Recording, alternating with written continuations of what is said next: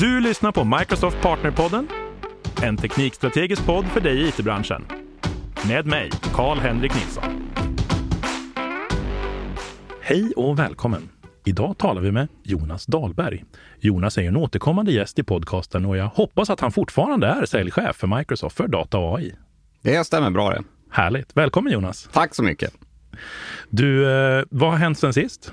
Ja, alltså den stora grejen är ju eh, OpenAI som ju har, eh, jag, jag, tror aldrig jag har sett eh, något liknande faktiskt under mina år i it-branschen. Nej, jag var, jag själv jag var, var och demade den för en, en skola. Min sambo är lärare. Okay. Och de var lite så här oroliga för, eller ja, hon var lite orolig för att det skulle kunna användas för att skriva uppsatser. Och ganska många kollegor var, nej, det är ingen fara, det, det kommer vi att se. Så då frågade hon mig, kan inte du komma och bara visa lite grann? Sen efter jag gick, då var alla oroliga. Eller hur? Nej, ja, men eh, det är ju de allra flesta som har testat det konstaterar ju att det är en gigantisk utveckling mot där vi befann oss för ett par år sedan när det gäller AI. Det är helt klart att det är nästa generation vi tittar på. Ja, precis. Jag tycker det är så här, för mig så är den ju både häftig och lite begränsad. För jag tänker så här, när jag var sju, åtta år tror jag, så läste jag ju eh, Isaac Asimovs böcker här om, om den, du vet, eh, hans alla kortnoveller där om artificiell intelligens och alla problem med etik när robotar som såg ut som människor och, och hela den här grejen. Ja. Och där har vi ju på något sätt väldigt, väldigt långt bort. Samtidigt som ibland så tycker jag att eh, GPT framförallt blir väldigt nära någonting sånt här som är lite otäckt. Jag satt en, en kväll och, och, och um, pratade med lite tekniker och de bara, men nu, nu får vi testa den här med något riktigt svårt etiskt dilemma. Och de gick in på, de är väldigt smarta, så de gick in på typ ja, någon sån här fråga, relationsrådet. Och Lite hit... så här fråga Dr. Phil. Liksom. Ja, men typ. Och hittade en sån här, bara, jag har gjort en tjej gravid och så jättemycket så här komplicerade grejer och, och allting. Och så här, vad ska jag göra? Och den bara, det är viktigt att tänka på att personen i fråga här har känslor och du måste liksom berätta hur du känner. Alltså den var riktigt bra. Det var liksom verkligen ett, ett vettigt mm. råd som den kom med. Och ganska likt det som den fick i, ifrån den här typen av spalt. Ja, exakt. Och där börjar man känna så här, jag vet ju att ChatGPT inte kan känna empati. Men jäklar vad coolt att det liksom ändå blir likt empati. Ja, jo, men man kan ju få den känslan. Men det som har varit också väldigt mycket runt ChatGTP specifikt som modell är ju också, jag menar all AI bygger ju på vilken data tränar du den på.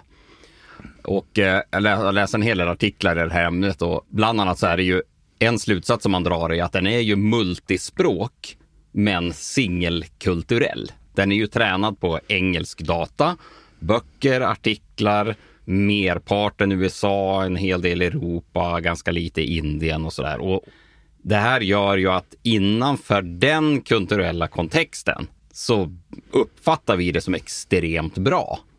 Det är väldigt intressant det här du säger, för att jag är ju naturligtvis ifrån kulturen som den är tränad på, så jag upplever att den fungerar väldigt, väldigt bra. Det skulle vara väldigt intressant att höra hur, hur folk som inte är från min kultur upplever den och den kanske tycker att den är skitdålig. Nej, men jag tror att alltså, det är väldigt eh världen är ju väldigt globaliserad, så jag tänker också att mycket av kulturen här är samma som där och sådär. Men det finns subtila skillnader. Och jag är ganska säker på att när den här när man börjar använda den här så kommer de här skillnaderna fram. Man mm. kommer att förstå att det funkar bättre i vissa sammanhang än det gör i andra sammanhang. För de som inte har förstått det än så är ju dagens ämne OpenAI. Ja, men det är bra. Det kanske vi ska säga också. Idag ska vi prata OpenAI. Ja, och varför pratar vi OpenAI på Microsoft så mycket? Det ja, kanske men... du är rätt person att svara på. Ja, jag tycker så här. Det, det som är riktigt spännande med, med OpenAI generellt så är ju, det kom ju nyheter faktiskt den här veckan, att vi Microsoft som bolag går in med våran ja, tredje delen i den här investeringen i runda slangar rör det sig om 10 miljarder eh, dollar som vi stoppar in i det här för att demokratisera, tillgängliggöra den här teknologin på ett etiskt perspektiv. Det som jag tycker är så härligt med OpenAI och Microsoft kombination är ju att vi delar mycket vision, men framför allt mycket värderingar. Vart går gränsen för vad är etisk AI? Vad är responsible AI? Det finns väldigt mycket överlapp i vad OpenAI som researchlaboratorium eh, säger att de står för och det vi som bolag står för. Mm. Det är båda gott att göra att det finns ju delar av det här som, som kan skrämma en, eh, precis som du säger, men det är, lite så här, det är ju faktiskt väldigt mycket roliga saker som cirkulerar runt eh, OpenAI också. Bland det roligaste jag såg, som jag är lite så här ah, sci-fi-nörd, så bland det roligare jag såg, det var ju när en, en kille hade frågat eh, vad vill du egentligen? Och hade då fejkat att svaret var nej, men jag är en maskin, jag har ingen speciell vilja, men, men det är klart om du vet vart John Connor är så kan du väl säga till. och det, jag menar, det tycker jag var kul. Förstår. men du, på tal om det här med att vilja saker. Jag har fått ganska många frågor från våra, våra partners. Vad vill våra kunder med den här tekniken? Jag har haft någon episod tidigare där vi pratade lite grann om vad man kan göra med det här och sådär. Dels så skulle jag vilja veta lite mer, vad vill våra kunder göra? Och lite grann, vad vill vi göra? Varför investerar vi så fruktansvärt mycket pengar i OpenAI?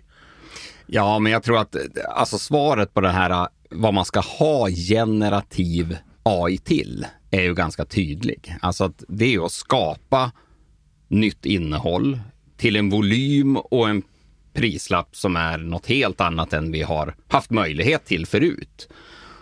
Och jag tror att som vanligt när sådana här grejer händer så blir den första reflekten blir liksom att ja, det här är en helt ny teknologi. Vad ska vi använda den här till? Och sen kommer man tillbaka till den här gamla sanningen som jag har för mig har tjatat om förut i den här podden. Lös problem som ni har. För det räcker gott. Och det som vi ser ut hos kunderna, det är ju väldigt mycket det. Det är väldigt mycket projekt där man har använt traditionell AI, alltså kognitiva tjänster från Microsoft, olika typer av eh, maskininlärningsverktyg och sånt där. Och så inser man att man kan göra nya grejer. Plötsligt kan man be maskinen svara på frågan, inte bara hitta informationen där frågan finns. Har du något bra exempel på det? Ja, vi har ett bra exempel där vi har ett eh, stort svenskt industribolag som har otroligt mycket teknisk dokumentation mm. runt sina produkter. Visst, eh, produkt-id och så finns det tekniska karaktäristika, det finns eh, beskrivningar vad den här produkten gör, vilken målgrupp, var, vem man har sålt den till, allt möjligt sånt där. Och då indexerar man upp det här med typiskt Azure Search. Och det här är då en lösning som man har jobbat på ett tag. Så man har indexerat upp den här informationsmängden. Och sen i deras services eller kundtjänst då, så får man ju frågor då. Ja, men den här produkten, hej och hå, vi skulle vilja använda den i en miljö med 84 procent luftfuktighet. Hur länge kan vi då räkna med att den här produkten faktiskt fungerar till det?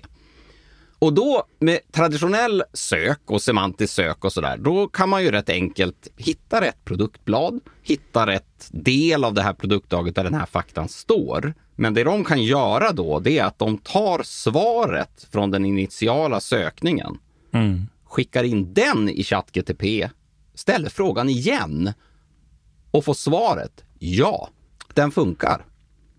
Det är ju ganska nice.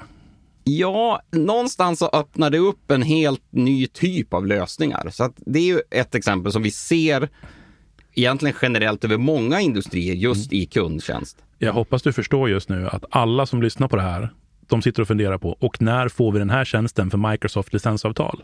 Ja, det, det, jag hörde en kollega faktiskt som testade det och sa att det funkade oväntat bra. Redan nu alltså. Och om den tjänsten kommer, då kommer jag bli fruktansvärt lycklig. Jag tror att många kommer att bli glada. Jag vet faktiskt inte om vi jobbar på det eller inte, men det känns ju som en ganska säker gissning. Tänk att vi kanske känner någon. ja, precis. Men spännande. Det låter ju som ett klockrent use case för ganska mycket. Alltifrån eh, ja, dock, alla, ja, vad heter det, lagfarter och ja, alla möjliga dokument egentligen. Tänker jag. Allt från juridiska dokument till ja, som ja, manualer precis. till... Alltså det är ju typiskt så. Teknologin löser ett visst problem. Sen applicerar man det på helt olika saker. Men inom finans finns ju precis samma tekniska lösningen är exakt densamma. Man beskriver det på ett annat sätt. Där man har då till exempel, eh, ja men som du säger, lagfarter, man har till exempel fullmakter. Och då det traditionella sättet blir att söka har vi en fullmakt för den här personen? När man hittar den så går man in och läser vad gäller fullmakten? Gäller den mitt ärende? Och med hjälp av ChatGTP kan du i princip då söka reda på fullmakten, skicka in den i ChatGPT och få frågan Ja, fullmakten finns och den gäller de här tio bankärendena exempelvis. Och det är klart att det här kommer ju på sikt eh, förändra mycket, tror jag. Det här känns ju också som en, en tjänst man skulle kunna bygga som partner. Alltså det är en kombination av eh, vad heter cognitive services, alltså vi pratar Azure Search för stora dokumenthanteringar. Ja, Och sen lägger man på ja, kanske viss OCR-inläsning, jag vet inte. Och sen ChatGPT ovanpå det. Eller Ja. OpenAI-produkten från Azure. Det känns ju som en lösning som skulle gå att, att skruva ihop liksom och, och sälja i en mass, eller vad man nu säger. ja. Jo, men jag tror att den där typen av konversationsgränssnitt mot datamängder, det är ju samma sak. Vad kommer att hända? Hur ser Analytics ut om fem år? Om ChatGTP med, med den här Codex-modellen då kan generera SQL, statements, Ja, eller, eller Då- re, rena Power BI-rapporter. Ge mig en graf över eh, de här datapunkterna från det här datasätten. Exakt. Men du skulle lika gärna kunna ställa frågan, min affär har utvecklats åt det här hållet den senaste månaden, har du någon aning varför? Och du skulle i princip kunna få ett svar att det beror på att de här fyra, fem kundernas Tror du använder den de här kom, tjänsterna kommer bli på. så avancerad? Att den skulle kunna göra det? För det låter ju magiskt nästan. Jag tror att det är en tidsfråga. Wow. Det har ju att göra med vad man tränar den på och vad man... Ja, Ja, precis. Man måste ju tänka också på att det vi tittar på när vi testar den idag är ju en lösning. Sen kan det ju tränas på andra datasätt och det kan ju läggas till produkter och göras grejer. Jag pratade med en partner ganska nyligt häromdagen faktiskt, just runt det här. Och då är det ju, den är ju tränad på ett visst datasätt för att kunna generera text. Men sen i och med att den enda, alltså det enda indata den tar i API är ju en textsträng. Då kan du med andra ord lägga in, skicka in din egen text, skicka in fullmaktstexten och säga ta ut meningen ur det här. Mm. Och då använder du den förtränade modellen för att tolka din text. Ja. Och det där blir ju, eh, det är ju någonstans där det börjar bli riktigt, riktigt spännande. Vi har ett annat eh, case också som vi har jobbat med ett tag som är också callcenter-relaterat, men där man har väldigt, väldigt stora volymer. Alltså man har, man har över tusen personer som svarar i telefon på kundernas frågor. Ja. Och det man då ville göra initialt, det var att använda Cognitive Services, traditionella, eh, våra traditionella Azure AI-tjänster, speech och textfunktionen, alltså så att under pågående samtal så transkriberar man vad samtalet går ut på. Den håller ju också reda på vem som pratar, så att den kan skilja mellan vad du som kundservicerepresentant säger respektive vad faktiskt kunden säger. Och så tar man den här texten, man sammanfattar den in i till exempel CRM-systemet. Det här var det vi pratade om. Och där är ju redan de kognitiva tjänsterna är ju relativt bra på att eh, sammanfatta text till exempel och sådana saker. Men OpenAI tar ju det här och den här GTP-modellen tar ju det där ytterligare ett steg. Där man säger det här samtalet varade i 27 minuter. Sammanfatta vad vi egentligen, vad var problemet? Vad var lösningen? Och hur upplevde kunden samtalet? Till exempel. Och lagra det i CRM-systemet. ja, det blir mycket lättare att ta till sig. Ja, absolut.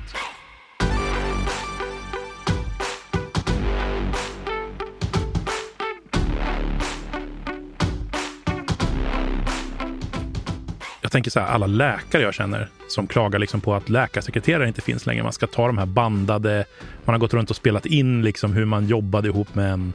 Det måste ju bara, ja, speech to text och så summering. Klart. Speech to text, summering och så dessutom kan du ju skicka iväg en sökning till Mobiltelefonapp på det också, så man slår in personnummer på personen så kan det liksom injiceras rakt in i något journalsystem någonstans på en gång. Ja, absolut. Nej, men det, det finns ju otroligt många användningsområden för den här teknologin som sådan. En annan variant är ju när du har, när du har behov av att skapa innehåll. Det är ju egentligen det som är kanske den största skillnaden. För det här att läsa och förstå det där, det har vi ändå haft, inte så här bra, Men vi har ändå, vi ändå men det har gjort funnits. Det det som är nytt är ju den här generativa, alltså ta fram nytt innehåll. Och där tänker jag att vi har ett case till exempel där man tittar på produktbeskrivningar för en webbsajt. Och då tar man som argument eller input till OpenAI-gränssnittet då blir ju Ja, men vad är det här för typ av produkt? För vem är den gjord? Vad finns det för färger? Vad finns det för storlekar? Vilken är målgruppen? Skriv en säljande produktbeskrivning. Punkt. Och ut kommer riktigt bra beskrivningar. Ska vi våga chansa lite grann? Vad sägs om att vi, eh, vi transkriberar den här podcasten efter vi har spelat in? Och så kör vi den genom ChatGPT och så får den skriva beskrivningen till dagens avsnitt. Det vore spännande och sen kan du också då ställa frågan, vad ville de egentligen ha sagt? Ja, det skulle vara lite intressant faktiskt. Det är lite spännande att Klarar se. den vad av vårt, vårt babblande? Ja, vem vet? jag, jag tror det i och för sig. Ja, men det är intressant. För det är också det, det du pratar om nu, det är ju inte saker som vi sitter och säger att det här kan man bygga. Utan det här är ju faktiska case som företag håller på och bygger. Det här finns det kunder som är beredda att köpa. Ja, ja, ja absolut. Nej, men och, och framförallt så ser man de här, de här generiska sakerna som eh, kundtjänst, eh, stora dokumentmängder, teknisk dokumentation. Alltså inom det området finns ju otroligt mycket att göra. Och det är ganska stora kostnader också. I dessa tider blir ju det väldigt intressant. Alltså vad kan vi göra för att rationalisera produktfrågor i största allmänhet till exempel? Ja, det är intressant.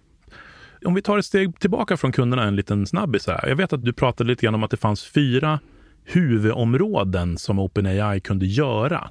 Ja, precis. Det, jag har varit inne ganska mycket på generativ text och summering var också en del av det här va? Ja, precis. Så det är två. Precis. Innehållsgenerering, alltså att skapa ny text, är en. Den andra är att kunna summera, plocka ut huvuddelarna i stora mängder data. Vad är det som är viktigt? Sen har man ju kodgenerering som är den här kodexmodellen. Det beror på vilken modell man använder. Använder man GTP för text eller använder man DAL-E för bilder, eh, sådana saker, eller använder man kodex? Man måste ju Mm, bestämma när man provisionerar det här vilken modell man vill använda då. Men där har du ju kodgenerering, alltså att du kan ta vanlig text och så får du ut SQL till exempel. Eller du, jag vill koda en tjänst som gör det här och så. Jag har ju testat väldigt mycket med Infrastructure as Code sen, eh, sen jag fick tillgång till det här. Just det. Och den är så bra. Det är så här, jag vill ha en eh, ja, Terraform-skript som sätter upp två stycken eh, vad heter det, AKS-kluster och lite storage och så lite en VM och de här nätverken och genererar det. Så bara, brrrt, ja. Det funkar riktigt. Visst, man får rätta till lite grann och sådär, men alltså jämfört med att sitta och knacka det för hand. Ja, ja. Alltså, Nej, men jag satt, det jag så satt med en, en stor kund här i måndags och då diskuterades i, ganska kort i och för sig, men Copilot i GitHub. Och där då vår person hävdade att ja, men man ser ungefär 30 till 50 procent högre produktivitet hos en utvecklare som använder det här respektive inte. Och kunden sitter bara och nickar och säger det är precis vad vi kom fram till. Det här är ju riktigt, riktigt eh, fränt. Det fjärde området för att avsluta den här, det är ju framförallt eh, semantisk eh, sökning. Alltså att verkligen hitta det man vill Alltså, i hitta, hitta datamängder. svaret, inte hitta Exakt, datat. exakt. Och sen har man ju då de här modellerna då, så här, content generation är ju två modeller. Det ena är ju textgenerering och det andra är bildgenerering, grafisk generering. Och det som kanske förvånar mig mest ändå med OpenAI när man tittar på alla de här projekten som pågår, det är ju än så länge har jag inte sett någon använda DALE, alltså bildgenerering. Eh, nej. Men jag tänker ur ett accessibility-perspektiv till exempel, kommunicera med bilder. Jag måste dock säga att jag var faktiskt jätteimponerad. För som jag nämnde, jag var på en, en gymnasieskola och pratade lite grann om, om OpenAI. Och en av lärarna är lärare i produktdesign. Och hon sa direkt, kan jag använda det här? Ja visst, så det, det går jättebra. För hon fastnade direkt för DALE 2. Mm. För helt plötsligt så kan eleverna gå in och beskriva, jag vill ha en fyrkantig tvålpump med schackrutigt mönster. Och så har de en bild på en fyrkantig tvålpump med schackrutigt mönster. Det är ju det som är produktdesign. De kan generera liksom en mockup av Ja. deras idé. Och, och sen kan man ju klippa ut den, göra den transparent, placera in den i vilket foto som helst. Så här skulle den se ut här. Och, och jag tyckte det var väldigt kul att de verkligen tog till sig den idén så snabbt. Ja, men jag, jag, jag tror att där är det ju återigen sådär att, ja, jag tror att det kommer ju komma mycket use case på det här området också. Förvånar mig bara att jag inte har sett det än. Men det kan ju vara så att man helt enkelt inte har hört talas om det bara. Det är någon som sitter och gör något jättesmart, man har bara inte sett det. Ja, precis. Vi var ju inne lite grann på, för jag tänker så här, jag vet att våra partners, de vill ju bygga grejer som kunderna vill ha. Vi har ju varit inne lite grann på vad kunderna vill ha. Har vi fler case vi skulle kunna hinta om att man skulle kunna bygga produkter, lägga dem i marketplace, göra dem transactable och så vidare? ja, alltså jag tror att hela den här generera text, det måste ju vara i ett visst sammanhang. Mm. Alltså för att bedöma om en legal text är korrekt mm. måste du vara jurist. För att förstå att ett financial statement som kommer ut ur det här är korrekt. Så jag tänker att runt det här finns ju precis som i alla andra sammanhang ett väldigt tydligt industrifokus. Alltså att hitta de här OpenAI för finans. Mm. Hur ser det ut? Och vad är det själv man kan lägga in? Är det custom ordlister? Är det bedömningar av hur det här ser ut? Jag tror att den här den här djupa kunskapen om vad kunderna faktiskt gör, den blir ännu viktigare. Därför att idag, det har ju aldrig varit lättare att mm. fejka kunskap än nu. Det är ju inte bara universiteten som har problem med det här. Nej, men jag, jag, jag fick bara en intressant exempel när vi ändå pratar om det. Jag fick en fråga från en sådär ja, professionellt nätverk. Vi, vi söker någon som kan prata om det här, bla bla bla, hej och Och det insåg jag att jo, men det där det området höll jag på med för länge sedan. Så det har jag hyfsat bra koll på.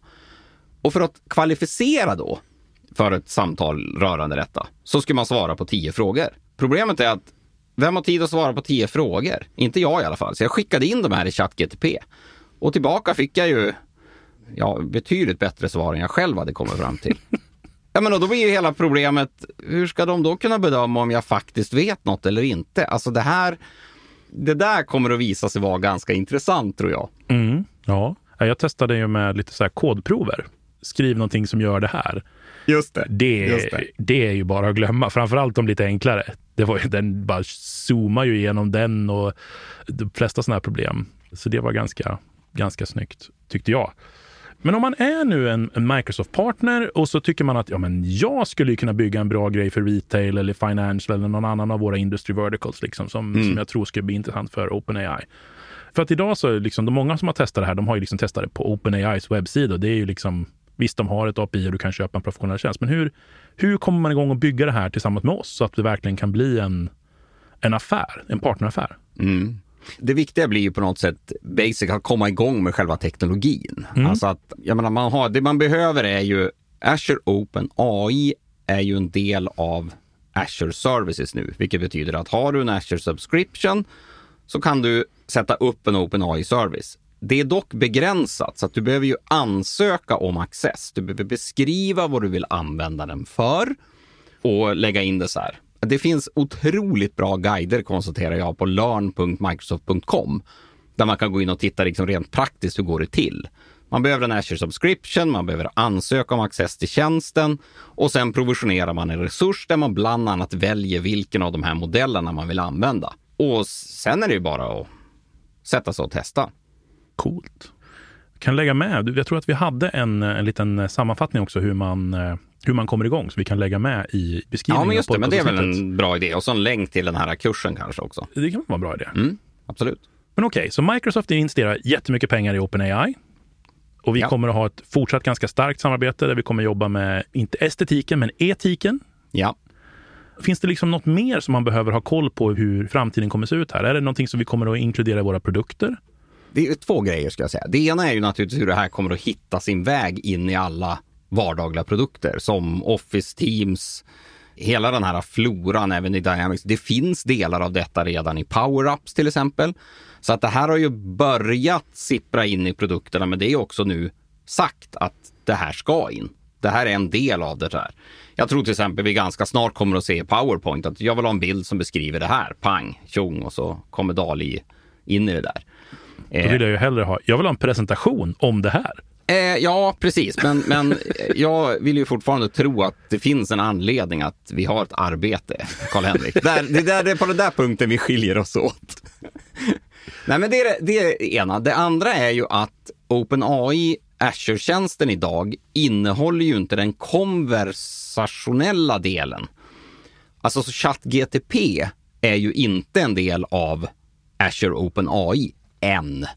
Utan det är den här språkmodellen man kan börja experimentera med. Men så att själva konversationen, det här att du, du ger den kontext. Jag bad den om tio punkter rörande det här ämnet, så får jag ut det och så sen svarar jag, jo, det där var väl i sig eh, korrekt, men jag tycker det var så otroligt negativt. Det där kan jag ju inte mm. säga. Eh, ta fram positiva saker. Och så plötsligt får man en lista som har en helt annan ton. Mm. Den delen finns ju inte i Azure OpenAI än. Men det är sagt att det ska dyka upp här. Precis, för det är väl det som gör att den benämns som en sån här limited memory AI, alltså att den kan liksom resonera från tidigare beslut eller vad man ska kalla det för. Ja, exakt. Att den kommer ihåg sammanhanget. Den minns vad vi pratar om just nu helt enkelt. Så att den kan använda en fråga och svaret och min reaktion på svaret till att svara bättre nästa gång. Fränt. Du, Jonas, jag fortsätter att förundras över OpenAI. Jag hoppas vi har inspirerat några partners till att bygga coola lösningar till våra kunder. Ja, jag kan bara uppmuntra alla våra partners att ta del av det här, hur man kommer igång med det. Sen kommer det också en del aktiviteter att hålla reda på på vår webb. Just för partners och kunder kring OpenAI.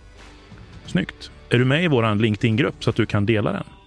Där för våra partners. Ja, fast vi skissar fortfarande på själva inbjudan, så den är inte riktigt färdig än. Men den kommer. Den kommer. Då håller vi ögonen öppna för det och stort tack för att du var med oss idag. Tack så mycket.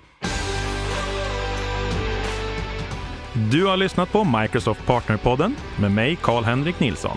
Som vanligt hittar du information och resurser på aka.ms partnerpodden.